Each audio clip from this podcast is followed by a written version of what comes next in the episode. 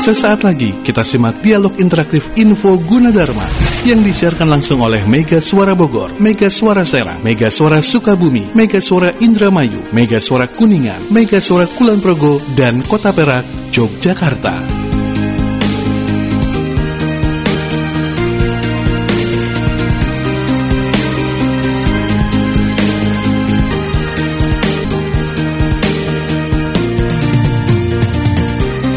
Assalamualaikum warahmatullahi wabarakatuh Selamat pagi Saat Mega Sore kembali lagi di Info UG Saya Mardika Adi Ya, kita sapa dulu saat Mega Sore yang ada di Bogor, Serang, Sukabumi, Indramayu, Kuningan, Klon Progo, Kota Perak, Yogyakarta. Juga UG Radio dan disiarkan langsung juga di UG TV dan MGS TV ya.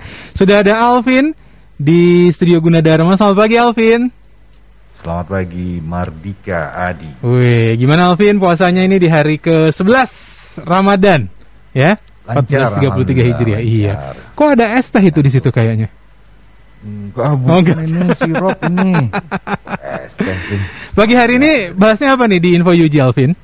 Hari ini kita mau bahas tentang uh, kerjasama luar negeri Uish. atau Universitas Gunadarma dengan perguruan tinggi yang ada di luar negeri. Iya, salah satunya Sorbonne. So, Borgong. Apa? Bor Borjong, Borgon. ya wes. Langsung ke Alvin kalau begitu di Info UG. Baik, terima kasih Mardika Adi yang ada di Bogor dan selamat pagi buat teman-teman yang ada di delapan kota, empat provinsi. Dari mulai Jawa Barat, DKI Jakarta, kemudian juga Jawa Tengah dan juga Provinsi Serang. Pagi hari ini kita jumpa lagi dalam program Info Gunadarma dan hari ini kita akan berbicara tentang uh, kerjasama luar negeri antara Universitas Gunadarma tentunya dengan perguruan tinggi yang ada di luar negeri, tidak hanya perguruan tinggi tentunya. Dan kita akan membahas secara global tentang Universitas Gunadarma, kemudian juga tentang pendaftaran mahasiswa baru. Dan hari ini uh, narasumber yang sudah hadir yang sudah dilihat di Instagram, di Facebook, di mana-mana ada Ibu Dr. Asti Darmayanti ST MMSI MSC. Apa kabar Bu? Baik Mas. Alhamdulillah sehat. Sehat sehat. Sehat sehat. Selama pandemi juga sehat. Sehat. Alhamdulillah. Sudah jadi sarjana tapi. oh sempat juga ya? Sempat sempat tapi itu di gelombang terakhir malah dapatnya di buntut. Di terakhir? Mm, pas kemarin uh, Omikron ya. Mm -hmm. Oh. Om Sarjananya terakhiran. Bukan awal, Om awal. Omikron dengan dengan Delta tapi lebih ini nggak terlalu ini ya atau gimana? Uh, Perasaannya? Lumayan sih karena sebelumnya kan belum pernah kena ya. Mungkin itu uh, apa namanya? Gak tahu juga itu yang kena entah delta, entah omikron, entah campuran gitu. Karena kenanya dari anakku pertama dari sekolah, hmm. terus. Uh, Anak ya, usia berapa? tiga tahun. Waduh. Ampun. Jadi berarti Bu Bu Asti itu ngurus anak yang tiga tahun langsung kena atau gimana? Uh, lumayan, lumayan uh, setidaknya hampir satu minggu ya.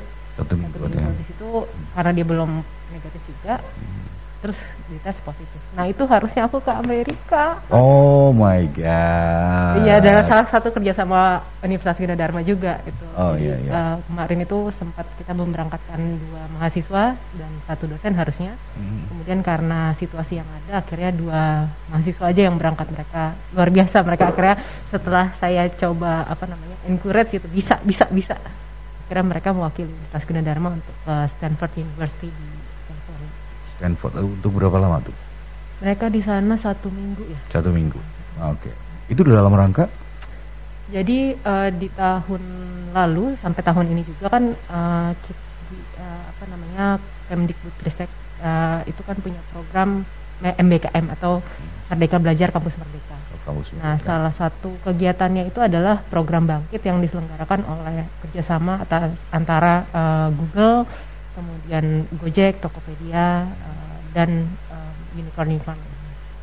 Nah, kemudian uh, Universitas Dharma waktu itu karena itu piloting project ya pertama kali uh, program itu dilakukan kita ada 60 mahasiswa gitu. Nah, kemudian salah satu dari mereka salah satu tim dari Universitas Gunadarma juga lolos penandaan untuk mendapat 110 ribu US dollar gitu. dan uh, bagus-bagus sekali anaknya bright bright sekali. Nah, kemudian dari situ uh, dari pihak Google dan Stanford, kemudian uh, Cambridge Tech juga uh, mereka mereka ke apa namanya ada program ekstensi dari program bangkit yang namanya UIF atau University Innovation Fellow. Nah di situ uh, tadinya memang anak-anak lulusan bangkit saja yang uh, diseleksi kemudian karena uh, barriernya kan di sini bahasa ya, jadi hmm. uh, karena waktu pendaftaran cukup singkat, akhirnya dari Kem uh, Dikbud kemudian uh, apa namanya mereka diarahkan gitu ya anak-anak yang telah lulus bangkit ditawarkan untuk mengikuti program itu. Um, tentu diseleksi dari setiap universitas yang ada. Kemudian uh, waktu itu uh, akhirnya karena yang mendaftar itu cukup sedikit dari bangkit karena saya paham sekali mereka juga, uh, uh, uh, lot lot waktu lot pekerjaannya juga besar oh, juga. untuk ketika mengikuti program bangkit itu sendiri kemudian Eh, dari Universitas Kuda Dharma akhirnya dua kita mengirim empat mahasiswa dua dari bangkit dua dari reguler jadi ada mahasiswa dari TI jadi banyak dari banyak prodi nih pak hmm. nah, mas karena mas pak hmm. kebiasaan hmm. Ada dari prodi uh, eh, SI okay. uh, eh, sistem informasi tek, uh, teknik informatika kemudian ada dari sastra Inggris dan juga sistem komputer Nah, teman-teman namanya ada Dara Mulia, ada Rama, kemudian Dolva dan juga uh, Prisil. Mereka yang jadi mewakili Universitas Gunadarma untuk mengikuti pelatihan UIF atau University Innovation Fellow yang diselenggarakan oleh Stanford University. Nah, mereka itu pelatihannya sebenarnya di tahun lalu sampai bulan November dan kemudian dari November hingga Maret tuh mereka punya final project yang akhirnya nanti di bulan Maret itu mereka di, eh, di uh, apa diundang ke Silicon Valley untuk mempresentasikan hasil akhir mm-hmm. proyek mereka itu. Nah, akhirnya di bulan Maret kemarin kita masih gambling nih karena kondisi pandemi kan nggak menentu ya. Jadi yaudah deh, ayo kita kerjain aja. Yang penting uh, apa namanya niat kita gitu ya untuk uh, proyek ini dan juga untuk membangun Gunadarma juga ayo tetap kita kerjain kita strive untuk uh, project kita apa nih yang kira-kira keunikan dari kampus yang bisa kita angkat kemudian yang itu menjadi uh, forte kita untuk untuk proyek akhir ini. Nah akhirnya uh, ternyata diselenggarakan karena lumayan cukup menurun kan ya uh, waktu itu kondisi covidnya dari pihak kampus juga gimana uh, boleh nggak diberangkatkan gitu. Kemudian akhirnya kita mendapat uh, slot untuk dua dua mahasiswa dan tentunya satu pendamping. Kemudian akhirnya dengan jangka waktu yang sangat sangat sangat pendek kita ngurus visa dan lain sebagainya, alhamdulillah uh, lancar sih di, dimudahkan kecuali di last minute itu saya kena covid jadi mereka harus berangkat sendiri gitu tapi oh, um, harus berangkat ya betul betul mm-hmm. dampingin mereka mm-hmm. karena uh, waktu itu kan memang uh, apa university kebetulan dari bangkit pertama kali kan memang saya uh, diberikan tugas bersama Pak Made untuk menghandle program tersebut gitu kemudian dari situ ketika University Innovation Fellow otomatis langsung masuk jadi uh, faculty championnya dari uh, dari program tersebut hmm. jadi hmm. begitulah oke okay, okay, okay. nah selama selama ini kan di, kalau yang tadi berangkat ke Amerika itu adalah di akhir-akhir masa pandemi ya? betul betul nah, betul pada saat awal mula bukan awal mula berarti selama pandemi aja yang dua tahun ini uh -huh. Program kerjasama apakah terhenti atau masih tetap berjalan atau bisa daring oh, atau gimana Tetap, tetap. tetap Tentu ya? uh, apa namanya semuanya struggling ya semua university di uh, baik di luar maupun di Indonesia pun kita sangat uh, sangat struggle gitu. Apalagi uh, Indonesia itu kan kalau misalnya secara kita kan daya tariknya mungkin lebih kepada uh, pariwisata gitu ya. Kemudian uh, culture gitu yang mana mungkin kita kalau di Gunadarma sendiri kan kita memang uh, brandnya itu adalah teknologi. Sehingga uh, untuk uh, mahasiswa datang ke sini itu kan uh, waktu itu juga pada saat pandemi barriernya adalah COVID gitu. COVID. Kita nggak nggak mungkin juga uh, border juga belum dibuka. Akhirnya kita um, mau nggak mau kan kita harus ber uh, apa namanya transformasi gitu ya salah satunya dengan uh, daring kemudian memanfaatkan platform UGTV dan lain sebagainya. Alhamdulillah dengan semua transformasi yang ditempuh oleh Universitas Gunadarma itu membawa apa namanya uh, breakthrough gitu ya terhadap uh, kegiatan-kegiatan kerjasama juga yang yang dilakukan. Yang tadinya uh, sebenarnya waktu kemarin itu kita ada uh, apa namanya dual degree gitu ya dengan dengan Uzbekistan. Ada sekitar tujuh mahasiswa ya. Waktu itu bergabung dengan kelas S2 Magister Manajemen Sistem Informasi untuk program Digital Tourism. Nah, uh, untungnya ketika pas pandemi hit itu mereka sudah kembali. Jadi udah di waktu-waktu mereka sebenarnya harus mereka harusnya kembali lagi ke Universitas Gunadarma untuk menyelesaikan skripsinya. Jadi hmm. di sini programnya tuh mereka bolak-balik 6 bulan uh, di Gunadarma, kemudian 6 bulan ke Uzbekistan, terus kemudian ketika mereka mengerjakan final projectnya, mereka boleh memilih. Tergantung projectnya itu ada di Indonesia atau di Uzbekistan. Nah, kebetulan pas pandemi ini terjadi, itu pas mereka harus menyelesaikan final year atau final projectnya, atau tesis lah, uh, skripsi S2 ya gitu. Kemudian uh, mereka nggak bisa hadir, padahal mereka sangat senang gitu. Mereka semuanya yang tadinya kita plottingnya udah proyeknya di Uzbekistan aja gitu. Mereka malah pengen datang, tapi kan bordernya nggak bisa dibuka ya. Iya, iya. kita nggak bisa uh, uh, lawannya pemerintah nih ya border nggak dibuka gitu. Akhirnya mereka tetap um, menyelesaikan uh, pembimbingannya dengan online gitu dengan dosen-dosen di Universitas Dharma uh, via apa namanya berbagai platform ya uh, cloud meeting yang yang yang tersedia gitu. Kemudian uh, kuliahnya juga kita uh, daringkan gitu menggunakan cloud meeting dan juga uh, secara asinkron maupun sinkronus.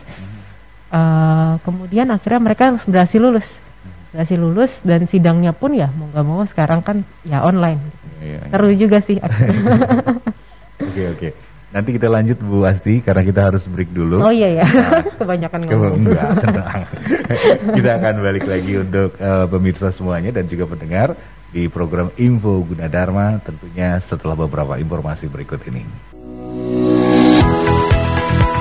Jangan ke mana-mana, Info Gunadarma akan kembali setelah beberapa informasi berikut ini.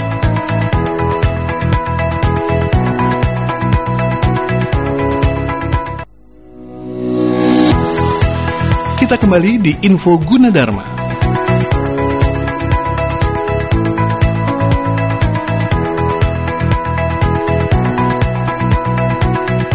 Kembali lagi di Info UG ya kita sapa dulu saat Mega Sore ada di Bogor, Serang, Sukabumi, Indramayu, Kuningan, Kulon Progo, Kota Perak, Yogyakarta. Juga UG Radio dan disiarkan langsung di UG TV dan MGS TV ya. Alvin, ini sudah ada pertanyaan dari saat Mega Suara.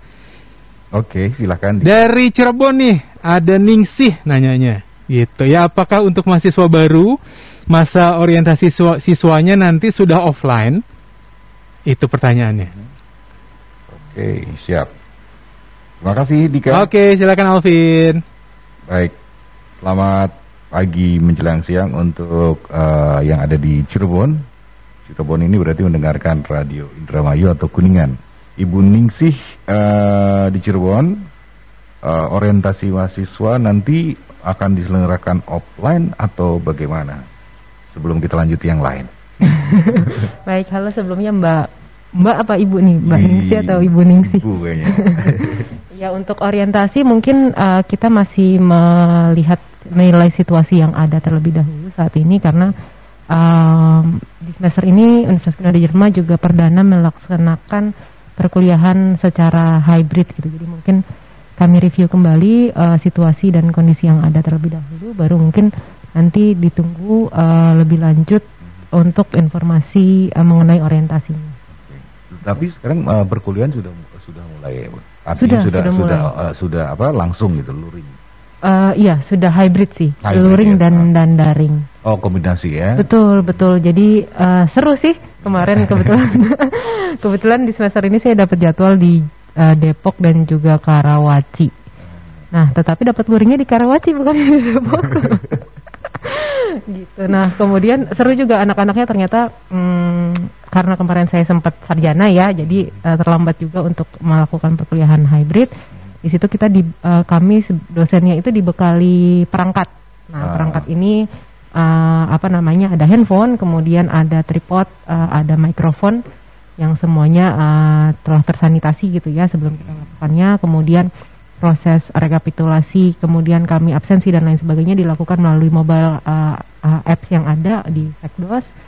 Kemudian jadi uh, kita dibekali handphone dan perangkat tersebut ketika mengajar, jadi kita setup dulu anak-anaknya juga setup. Jadi uh, kita nggak 100% uh, luring. Jadi sebagian uh, tergantung harinya. Kalau misalnya hari ganjil maka yang datang itu mahasiswa dengan absensi ganjil. Oh. Kalau misalnya genap ya hari yang uh, anak-anak dengan absensi genap yang yang datang. Tapi ya seru juga kemarin uh, awal-awal gitu pas awal-awal daring karena mungkin udah terbiasa gitu ya dengan hampir dua tahun kita uh, daring anak-anaknya. Bu kalau saya nggak uh, kalau saya nggak bisa daring gimana nggak bisa luring gimana bu? Ya nggak apa-apa di situ kami berikan keleluasaan bagi bagi kalian. Tapi kami memfasilitasi apabila kalian ingin melakukan perkuliahan secara luring gitu. Dan ternyata pas datang sesi luringnya itu banyak juga yang datang gitu.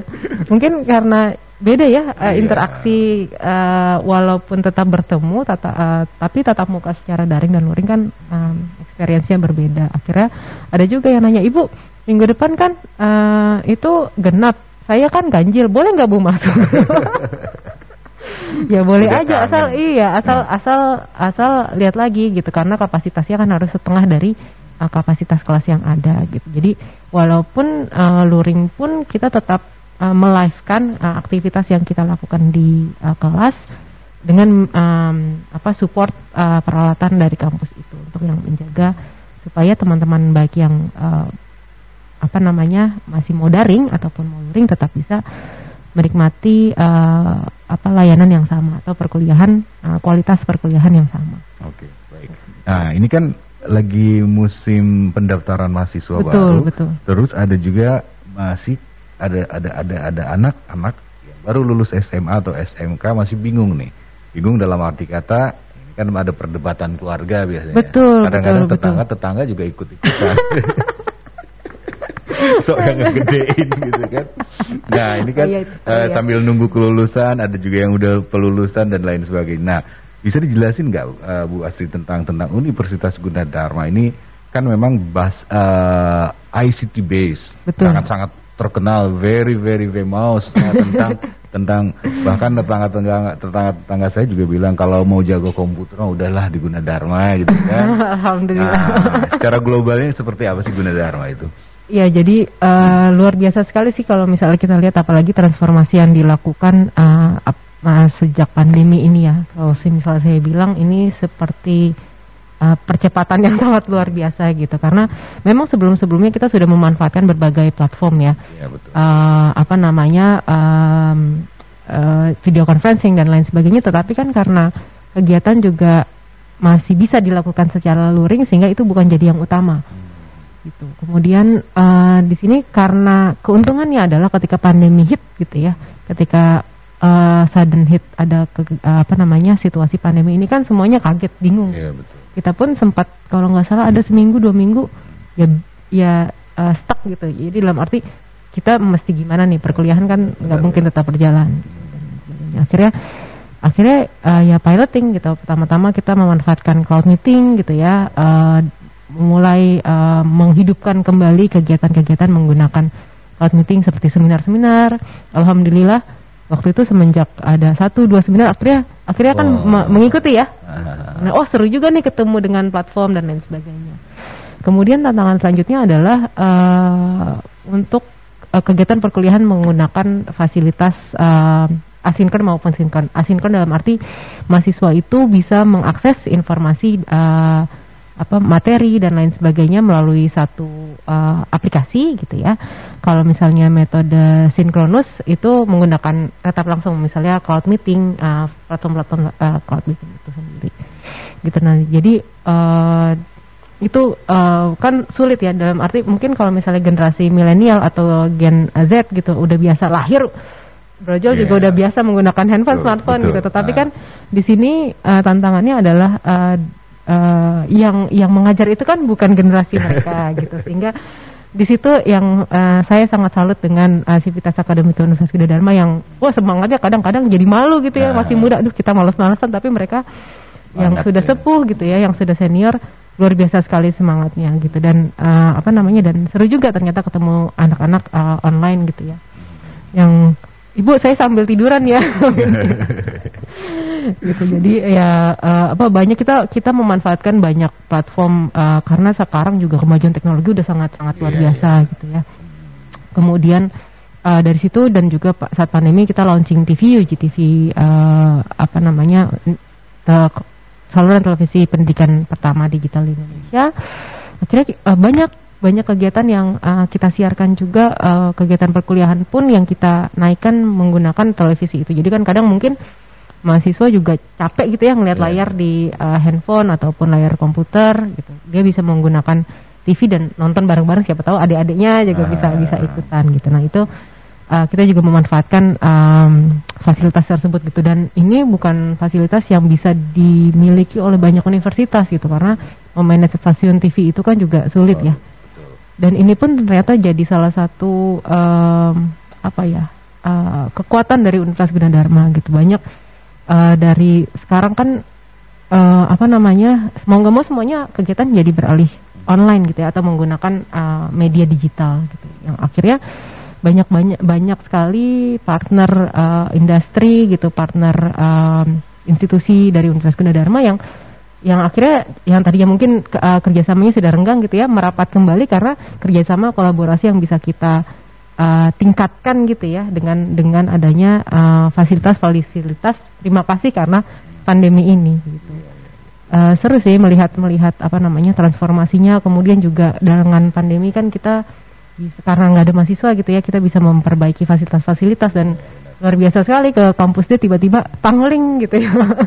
Udah udah udah banyak begitu banyak perubahan gitu. Mungkin teman-teman juga uh, nantinya ketika sudah mulai luring lagi gitu ya uh, baik itu 100% ataupun 50% nanti bisa merasakan kembali. Jadi yang mungkin yang sebelumnya tadinya ah ya ketemu ya ya udah gitu ya uh. anggapannya sambil lalu sekarang bisa menghargai kembali pertemuan dan apa bercengkrama. Kadang kan kita ketemu orang langsung main handphone gitu. Yeah, yeah, benar. Sekarang kan baru berasa ya kehilangannya ketika nggak bisa ketemu langsung tuh uh, experience-nya berbeda dan semoga itu juga uh, apa namanya uh, apa ya teman-teman nanti begitu nanti apalagi yang baru masuk gitu ya semoga kita sudah bisa mulai uh, luring gitu baik itu orientasi maupun uh, perkuliahannya karena sudah kita sudah uji coba untuk hybridnya ini.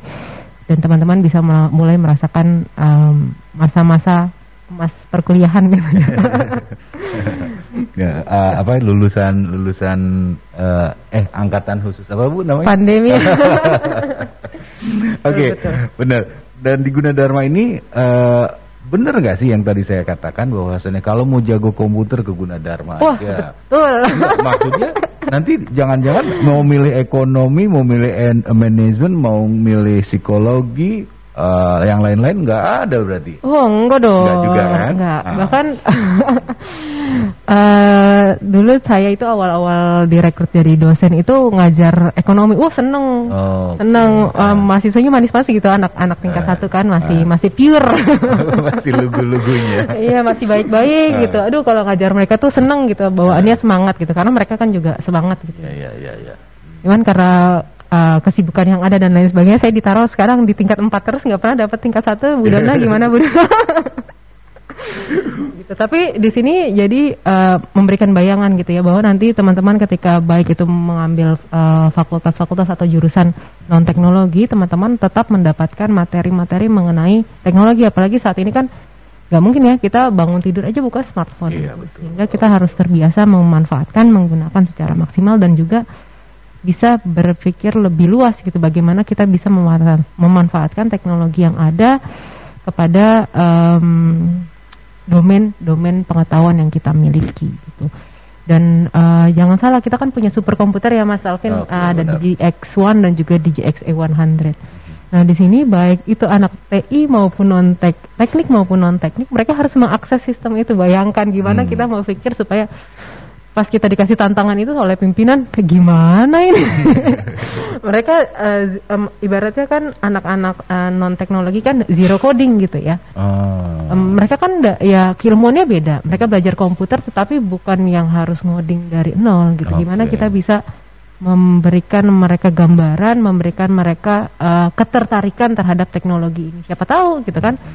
Uh, knowledge itu kan sekarang nggak ada boundaries. Hmm. nah uh, itu mereka harus ngoding ke dalam sistem itu dan hmm. seru sih uh, dengar-dengar ini ya dengar apa namanya uh, feedbacknya dari anak-anak walaupun yang ngegrutu juga banyak gitu tapi eh, nggak sedikit juga yang mereka jadi tertarik gitu. Bahkan eh, di tahun ini ada beberapa anak-anak non non teknik yang ikut program bangkit yang mana itu eh, yang dipelajari sebenarnya eh, codingan gitu Coding. atau bu- buat program gitu. Yang kami ah, saya sudah tanya benar kamu mau mau ikutan ini ini berat loh. Ini ma- mungkin mahasiswa yang domainnya teknologi pun mungkin uh, tuh lumayan tertatih gitu. Gak apa-apa bu, kemarin gara-gara praktikum saya jadi tertarik gitu. Jadi di sini sebenarnya uh, semangatnya dari Universitas Gunadarma bukannya kita maksa uh, belajar yang di luar domain, tetapi yuk coba sebanyak-banyaknya siapa tahu kamu punya nemuin passion baru gitu. Dan mereka juga itu kan uh, DGX A100 itu kan 5 petaflops ya uh, kecepatannya untuk mengenerate uh, atau melakukan proses gitu. Itu fungsinya untuk apa? Yang superkomputer itu dimanfaatkan untuk apa? Eh, eh, itu adalah high performance computing. Jadi kalau misalnya saat ini eh, digunakannya untuk penelitian, kerjasama, kan kadang kalau misalnya kita mau bikin AI gitu ya atau machine learning itu kan permasalahannya selalu datanya harus banyak supaya bikin komputer pintar tuh intinya sebenarnya kita informasi data itu harus banyak. Oh. Nah sementara kalau data banyak, eh, kalau kita proses di laptop itu kan kebanyakan data aja lemot gitu kan. Hmm, Nah ah, itu itu mungkin eh, relasi paling gampang. Hmm. Sehingga dengan menggunakan si mesin superkomputer ini, alih-alih kita memprosesnya di laptop kita, kita bisa memprosesnya ini di komputer ini. Jadi Oh. komputer kita nggak lemot, kita tinggal nunggu hasilnya jadi diproses di, kom- di uh, apa namanya komputer itu. Kalau misalnya bayangin dulu zamannya saya S2, kalau misalnya mau training gitu ya atau membangun model AI itu laptop saya nggak boleh mati satu minggu, Mas. Satu minggu tuh oh, panas-panas tuh mak enggak. Pernah satu hari tiga hari terus saya inget, ya salah setting gitu. Udah tiga hari jalan. kan kalau di saya stop, ya ulang lagi satu minggu lagi gitu kan. Nah dengan eh, karena kendala itulah kendala sebenarnya kenapa eh, AI itu baru booming sekarang karena secara AI itu yang arti, a- artificial intelligence Oke, betul oke. artificial intelligence atau kecerdasan buatan Iya, gitu iya, ya iya. big data dan lain sebagainya itu nah karena ada kebutuhan itu akhirnya sekarang eh, ada eh, begitu banyak produk-produk high performance computing atau komputer-komputer dengan performansi yang tinggi gitu yang memungkinkan kita untuk melakukan percepatan dalam memproses data-data yang besar eh, pembangunan model yang eh, perhitungannya kompleks gitu ya sehingga kita memanfaatkan perangkat tersebut untuk melakukan uh, proses yang ada. Oke. Gitu. Nah, dan ini anak-anak Universitas Gunadarma dengan adanya fasilitas tersebut mereka dapat mengakses itu semua. melalui- Semua semua prodi. Bu? semua prodi. Tidak hanya teknologi ya. Enggak, Oh. bahkan anak psikologi, ekonomi, komunikasi semuanya Ah. harus akses ke sistem itu. Dan kita sudah uh, apa namanya desainkan uh, apa namanya interaksinya se- sehingga se- se- begitu mudah mereka untuk mengakses sistem itu se- seperti mereka layaknya mengakses website biasa. Dan aslinya sebenarnya itu apa yang mereka lakukan itu jalan di mesin DGX tersebut. Oke, baik Bu Asi nanti kita lanjut pemirsa dan juga pendengar radio. Kita akan uh, kembali lagi di Info UG di segmen terakhir dan kita nanti akan membahas tentang pendaftaran mahasiswa baru. Jangan ke mana-mana, tetap dalam program Info Gunadarma. Jangan ke mana-mana, info Gunadarma akan kembali setelah beberapa informasi berikut ini.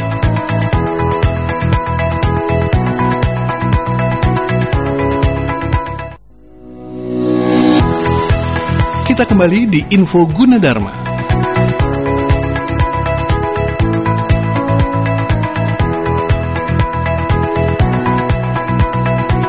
Masih di Info UG ya di sesi terakhir ini Alvin ada lagi satu pertanyaan kali ini dari Bogor Alvin ada Nofri nih minta saran katanya kalau mau daftar Gunadarma itu lebih baik sekarang-sekarang ini atau nanti-nanti aja ya pertanyaannya bagus sekali silakan Alvin Dika makasih. Siap. Dari Nopri di Bogor. Bogornya di mana nih Nopri? Eh, pendaftaran mahasiswa baru. Enaknya enak. kayak buka puasa. Bagusnya sekarang-sekarang apa nanti nih? Bu Asti. Secepat mungkin. Secepat mungkin, Kalau ya. bisa sekarang langsung buka, langsung buka webnya, langsung daftar. Tapi misalnya di pertengah perjalanan cancel misalnya nih, Mm-mm. dia dapat kerjaan Mm-mm. misalnya kan. Itu masih bisa juga. Masih bisa kembali bisa kan ya? kalau nggak salah ada Ah. biasanya ada perjanjiannya gitu nanti dibaca uh, sesuai dengan apa namanya apa yang di state gitu nanti itu bisa dikembalikan. Oke, kalau sekarang ini pendaftaran uh, mahasiswa baru masih online atau udah bisa datang langsung? Hmm, Oh. Untuk saat ini pendaftaran yang sudah dibuka adalah pendaftaran jalur online yang teman-teman bisa akses di pendaftaran.gunadarma.ac.id slash 2022 atau pendaftaran titik gunadarma titik ac titik id garis miring 2022. Oke. Di situ uh, informasinya tata caranya sudah lengkap uh, terlampir silahkan teman-teman uh, buka di sana untuk mengetahui uh, dokumen-dokumen apa saja kemudian informasi apa saja yang perlu diisikan. Oke. Dan eh, tapi sebelum menentukan menentukan eh, melakukan pendaftaran eh, online, tentunya mereka juga harus siap-siap menentukan program Jurusan studinya. dulu betul betul. Tapi pada saat pendaftaran di guide nggak? Uh, bisa nanti kalau misalnya teman-teman biasanya kan anak uh, dulu juga saya suka galau gitu ya, Hmm. Ya. yang mana ya, yang mana ya Nah. gitu. Nanti uh, di uh, ada uh, kalau misalnya karena ini baru yang dibuka baru jalur online, teman-teman bisa akses chatnya ada di Oke. sebelah di biasanya di pojok kanan itu ada chat uh, box yang mana nanti di situ ada uh, teman-teman uh, bahkan dosen-dosen ya yang di belakang chat itu yang akan menjawab pertanyaan keluh kesah Hmm. teman-teman mengenai jurusan mana sih yang paling cocok buat saya gitu. Hmm. Kalau boleh tahu apa saja nih yang harus disiapkan untuk melakukan pendaftaran online ini? Pendaftaran online tentu kan uh, data-data pribadi, kemudian foto sesuai dengan uh, apa namanya uh, sesuai dengan persyaratan yang ada. Jadi biasanya nanti ada spesifikasinya, kemudian ada dokumen nilai ya kalau nggak salah. Kalau ijazahnya belum belum ada bisa uh, nilai rapot kalau nggak salah dan dokumen-dokumen lainnya. Oke. Jadi, Dan itu biasanya di scan uh, dalam bentuk PDF dan bisa diupload ke sistem pendaftaran.gunadarma.ac.id. Oke. Jadi di sini kalau kalau se- se- sebelum pandemi kemarin-kemarin tuh kan ada pendaftaran secara online yang nilai rapot eh, semester 4 dan 5, ada juga yang seleksi ujian ujian Iya, ya. betul, Ah, betul, betul, Sama ada juga yang jalur prestasi, Prestasi, kalau nggak salah. betul, betul, Kalau betul. itu masih akan di- tetap diberlakukan nggak? Tetap tetap tetap ada. Ada ya? Penerimaan tetap tetap sama seperti tahun-tahun sebelumnya, masih ada beberapa jalur, jalur tes, kemudian jalur rapot dan juga jalur eh, prestasi. Nanti eh, lengkapnya di situ. Tapi untuk persyaratan dokumen biasanya umumnya sama hanya kalau misal jalur prestasi ataupun rapot kan biasanya kebutuhan dokumennya akan sedikit berbeda gitu ya. Oke. Nah, setelah eh, mahasiswa baru melakukan pendaftaran online dan sudah juga masuk ke Universitas Gunadarma, apa saja yang dia akan mereka dapatkan di Gunadarma? Fasilitas-fasilitas dari akademik dan non akademik tentunya. Bu. Oke, kalau misalnya, oh banyak, kalau misalnya ketemu kami dosen-dosen, tentu eh, para pengajar yang berkualitas tentunya, kemudian eh, laboratorium, kemudian akses virtual class, akses student site, kemudian eh, apa namanya eh, semua fasilitas yang ada perpustakaan, kita juga ada gor gitu ya, eh, apa namanya tempat olahraga baik itu lapangan futsal, kemudian basket, voli, badminton gitu kan. nggak salah di kampus H. Kemudian eh, di jangan lupa ada Teknopark nih, Mas Ag- eh, iya, Mas iya, Alvin. iya, Jadi betul. eh, buat adik-adik ini yang baru masuk, kita punya yang namanya UG Teknopark yang ada di Cikalong. Cikalong. betul itu dia. Ingatnya Mande, Mande Iya. Cikalong betul. Berarti ingat Marangi. Jadi mandi. Betul. Jadi itu yang lagi hot topic eh, hot apa ya? Kemarin didatangin banget. menteri Betul, Menteri eh, aduh PMK ya, PMK Pak? betul betul koordinator Menteri koordinator Menko malah. Oh, Menko, betul, Menko betul. PMK betul mereka dia beliau eh, datang ke sana hadir dan tadinya niatnya tuh katanya cuma mau sampai sebelum sholat Jumat gitu ya, tapi akhirnya lama gitu Jadi karena betah. juga. Betul. Beliau bet, saking betahnya dengan uh, UG Technopark yang dimiliki oleh Universitas Gunadarma dan UG Technopark ini adalah um, fasilitas yang diberikan oleh Universitas Gunadarma yang bisa dimanfaatkan oleh adik-adik mahasiswa untuk mengembangkan uh, potensinya, mengembangkan uh, kalau anak sekarang bilangnya passionnya. Oh, iya, iya, iya. Di sana ada banyak banyak uh, tempat gitu ya, banyak uh, segmen uh, apa namanya ada agrotek, kemudian ada robotika, ada tempat hotelnya juga apa uh, namanya itu kalau yang bunga lo itu aku lupa kalau misalnya Glamping. Ya betul Ah, glamping. glamping. Jadi nggak usah jauh-jauh sewa-sewa glamping-glamping di Itu memang puncak. terbuka katanya. untuk umum. Misalnya anak SMA gitu mau kunjungan visit gitu. bisa bisa datang gitu. Tentu kan uh, masuk ke situ kan atas Gunadarma gitu ya, nggak Ah. bisa tiba-tiba uh, Iya, iya, datang iya. gitu tanpa ada kegiatan atau apa uh, masuk itu nggak bisa. Nah tetapi ini lucunya mas, Hmm. Itu sebelum bahkan sebelum kita manfaatkan secara masif gitu ya, masih setengah jadi setengah matang itu warga-warga sekitar tuh udah udah rame gitu ya, Iya, apa iya. masuk ke YouTube, masuk Ah. ke Instagram gitu, mereka foto-foto saking mereka uh, senang sekali uh, begitu bagusnya uh, UJ Teknopark yang dimiliki Universitas Gunadarma. Penasaran kan? Daftar dulu kalau mau masuk. iya bener. Sempat booming, sempat viral. Wah ini ada wisata baru Betul, katanya, betul, di betul. Cianjur Betul, katanya. betul, betul. Ada ada yang mengatakan itu wisata kuliner, wisata alam macam-macam. Ternyata udah jadinya itu adalah. Betul. Tapi memang memang cocok juga untuk wisata gitu kan. Betul, betul, wisata betul. pendidikan gitu betul, ya. betul, betul. Hmm. Karena di situ kita punya eh, apa namanya eh, ada amplitator juga, kemudian eh, dari S3 penelitian S3 ini kan banyak yang image processing gitu. Nah, di situ kita ada kolam nanti mau dibuat sebuah sebuah apa teleskop gitu ya, yang bisa ngelihat nanti eh, jadi pengunjung itu bisa lihat eh, ikannya ini jenis apa sih gitu. Jadi experience-nya kita pengen bikin experience uh, teknologi gitu ya yang apa namanya yang advance gitu tetapi itu adalah karya-karya dari uh, Civitas Akademika Universitas Gunadarma gitu. dan desain dan lain sebagainya itu semuanya hasil 100% karya uh, Civitas Akademika Universitas Gunadarma gitu itu luar biasa kemudian di sana juga ada uh, apa namanya uh, masjid gitu ya Hmm. Uh, dengan uh, inspirasi arsitektur Uzbekistan. Karena kan Uzbekistan ini memang ken, apa Kental. uh, kental ya, kental culture-nya dan juga punya aspek historis dengan Indonesia gitu. Yang mana waktu itu kan kalau tidak salah makam uh, Imam Besar Bukhari itu ditemukan oleh mantan. Presiden Soekarno. Gitu. Sehingga uh, kita punya persahabatan yang cukup kuat antara eh, Indonesia dan Uzbekistan dan salah satunya dari dengan Universitas Gunadarma dan masjid tersebut juga diresmikan oleh dubes loh. Dubes Uzbekistan datang ke situ. uh, Oh, sebelum menteri PMK belum itu betul iya udah ada menteri dubes. betul udah ada dubes Oh. duluan menteri PMK itu kan meresmikan danau Oh. wah itu danaunya saya ke- oh, kebetulan waktu itu saya lagi eh, se- lagi menuju sarjana menuju sarjana covid jadi tidak bisa ikut. Dan di situ dilihat fotonya wah kayak di luar negeri gitu ya kayak di di mana gitu kayak di Rotterdam mungkin ya danau gitu. Ternyata di Cikalong gitu. Jadi seru sih anak-anak pasti yang eh, suka aktif di TikTok ataupun Instagram pasti seneng banget kalau misalnya diajak ke sana. Dan jangan salah eh, apa namanya banyak ma ma- SMA anak-anak SMA gitu ya yang kerjasama dengan Universitas Gunadarma yang telah mengunjungi ke sana jadi Kak Seto juga sempat betul lari-lari. lari-lari loh udah Ah. viral di Instagram beliau Instagram, di Twitternya. betul Itu adalah fasilitas-fasilitas yang disediakan untuk mahasiswa Universitas Gunadarma jika uh, mahasiswa baru memang memiliki Universitas Gunadarma. Tapi fasilitas-fasilitas yang non akademik ada juga nggak? Bu? Em, Non akademik misalnya yang tadi ibu bilang ada hall olahraga, Betul.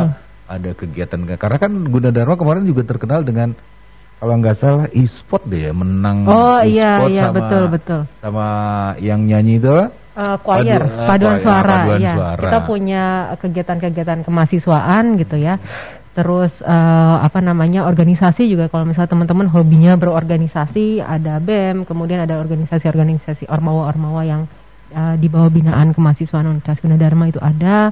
Kemudian kita juga punya berbagai klub-klub eh, untuk mensupport hobi ya, kayak tadi e-sport. Kemudian kita ada uh, GDC juga uh, Google Developer Student Club gitu uh, GDSC ya kalau ya gitu uh, terus kemudian kita ada karate kemudian ada catur juga kemudian ada apa lagi ada paduan suara yang wah itu kalau misalnya lagi uh, kemarin ya lagi sebelum pandemi kan kita dengarnya live gitu kemudian uh, pas pertama kali wisuda uh, kita dengerin uh, recordingnya mereka gitu uh, para paduan suara wah keren banget itu nggak nggak nggak betul. recording? Uh, dia recording dia bikin kayak video klip gitu loh jadi dia nyanyi bareng-bareng Oh, aha. kayak kayak choir-choir yang kita sering lihat uh, choir-choir luar negeri yang kita sering lihat di Instagram ataupun di Ah. YouTube gitu kayak wah makin makin bangga gitu wah Ah. uh, anak-anak Universitas Gunadarma uh, ternyata apa namanya uh, di, dengan keterbatasan yang ada gitu ya dan mau gitu mau dan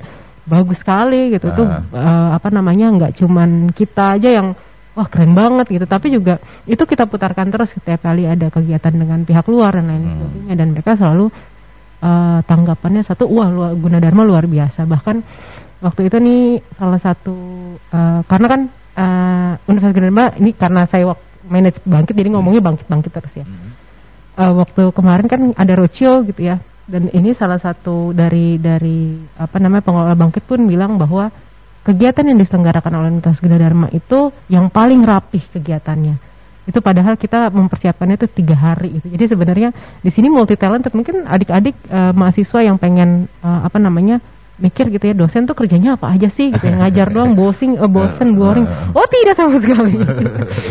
Pekerjaan kita banyak gitu. Dan justru banyak sekali kesempatan yang bisa kita explore gitu. Kalau misalnya kita mau juga gitu. Dan salah satunya manage event dan lain sebagainya. Dan ini kan kayak UGTV dan lain sebagainya mereka di fully operated by mahasiswa Universitas Dharma juga dan tentu ada uh, manajemennya gitu ya jadi eh, Artinya banyak serius ya, non akademiknya juga serius. Betul, ya, betul, betul. Kalau misalnya teman-teman, aduh pengen coba deh di broadcasting gimana sih uh, setting up kalau misalnya orang-orang mau live, go live gitu, gimana sih experience ngelamar aja gitu, karena memang kita uh, bisa magang di situ. Kalau misalnya pengen pengen deh jadi host gitu, misalnya sering sering bikin podcast dan lain sebagainya, reaching aja gitu, betul. karena memang uh, di Universitas Dharma itu begitu banyak gitu dan dan uh, apa namanya uh, kesempatan itu sangat sangat terbuka luas gitu baik teman-teman mau yang belajar aja pun kita support mau uh, ngembangin keilmuannya kita support gitu mau non uh, akademis dan non akademis pun kita juga support itu asal asal masih dalam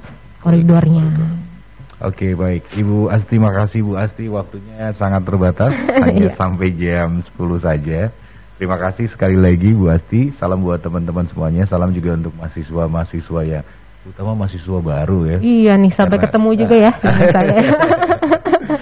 Baik, demikian uh, Dika. Siap. Alvin, ya. Oke. Dika ada pertanyaan dulu nggak buat uh, Bu Asti? Iya. Bu dosen kalau mau langsung jadi mahasiswanya Bu dosen privat gitu bisa nggak sih Bu? Langsung loncat tingkat 4 karena saya biasanya langsung ngajarnya dikasihnya tingkat 4 Oke, okay. tingkat 5 juga saya adepin, Bu. Oke, Dika makasih ya. Terima kasih Alvin. Ya, terima kasih juga buat sahabat Mega Suara yang sudah menyimak ya di Bogor, Serang, Sukabumi, Indramayu, Kuningan, Kulon Progo, Kota Perak, Yogyakarta ya. Yuji Radio juga dan disiarkan langsung di Yuji TV dan MGS TV. Kita pamitan dulu dari Info Yuji, insya Allah hari Sabtu jam 9 ada Info Yuji lagi ya. Saya Mardika Adi, sehat-sehat semuanya, selamat menunaikan ibadah puasa. Wassalamualaikum warahmatullahi wabarakatuh. Baru saja kita simak info Gunadarma yang disiarkan langsung oleh Mega Suara Bogor, Mega Suara Serang, Mega Suara Sukabumi, Mega Suara Indramayu, Mega Suara Kuningan, Mega Suara Kulon Progo, dan Kota Perak, Yogyakarta. Dengarkan terus info Gunadarma di Mega Suara Network setiap hari Rabu dan Sabtu jam 9 pagi.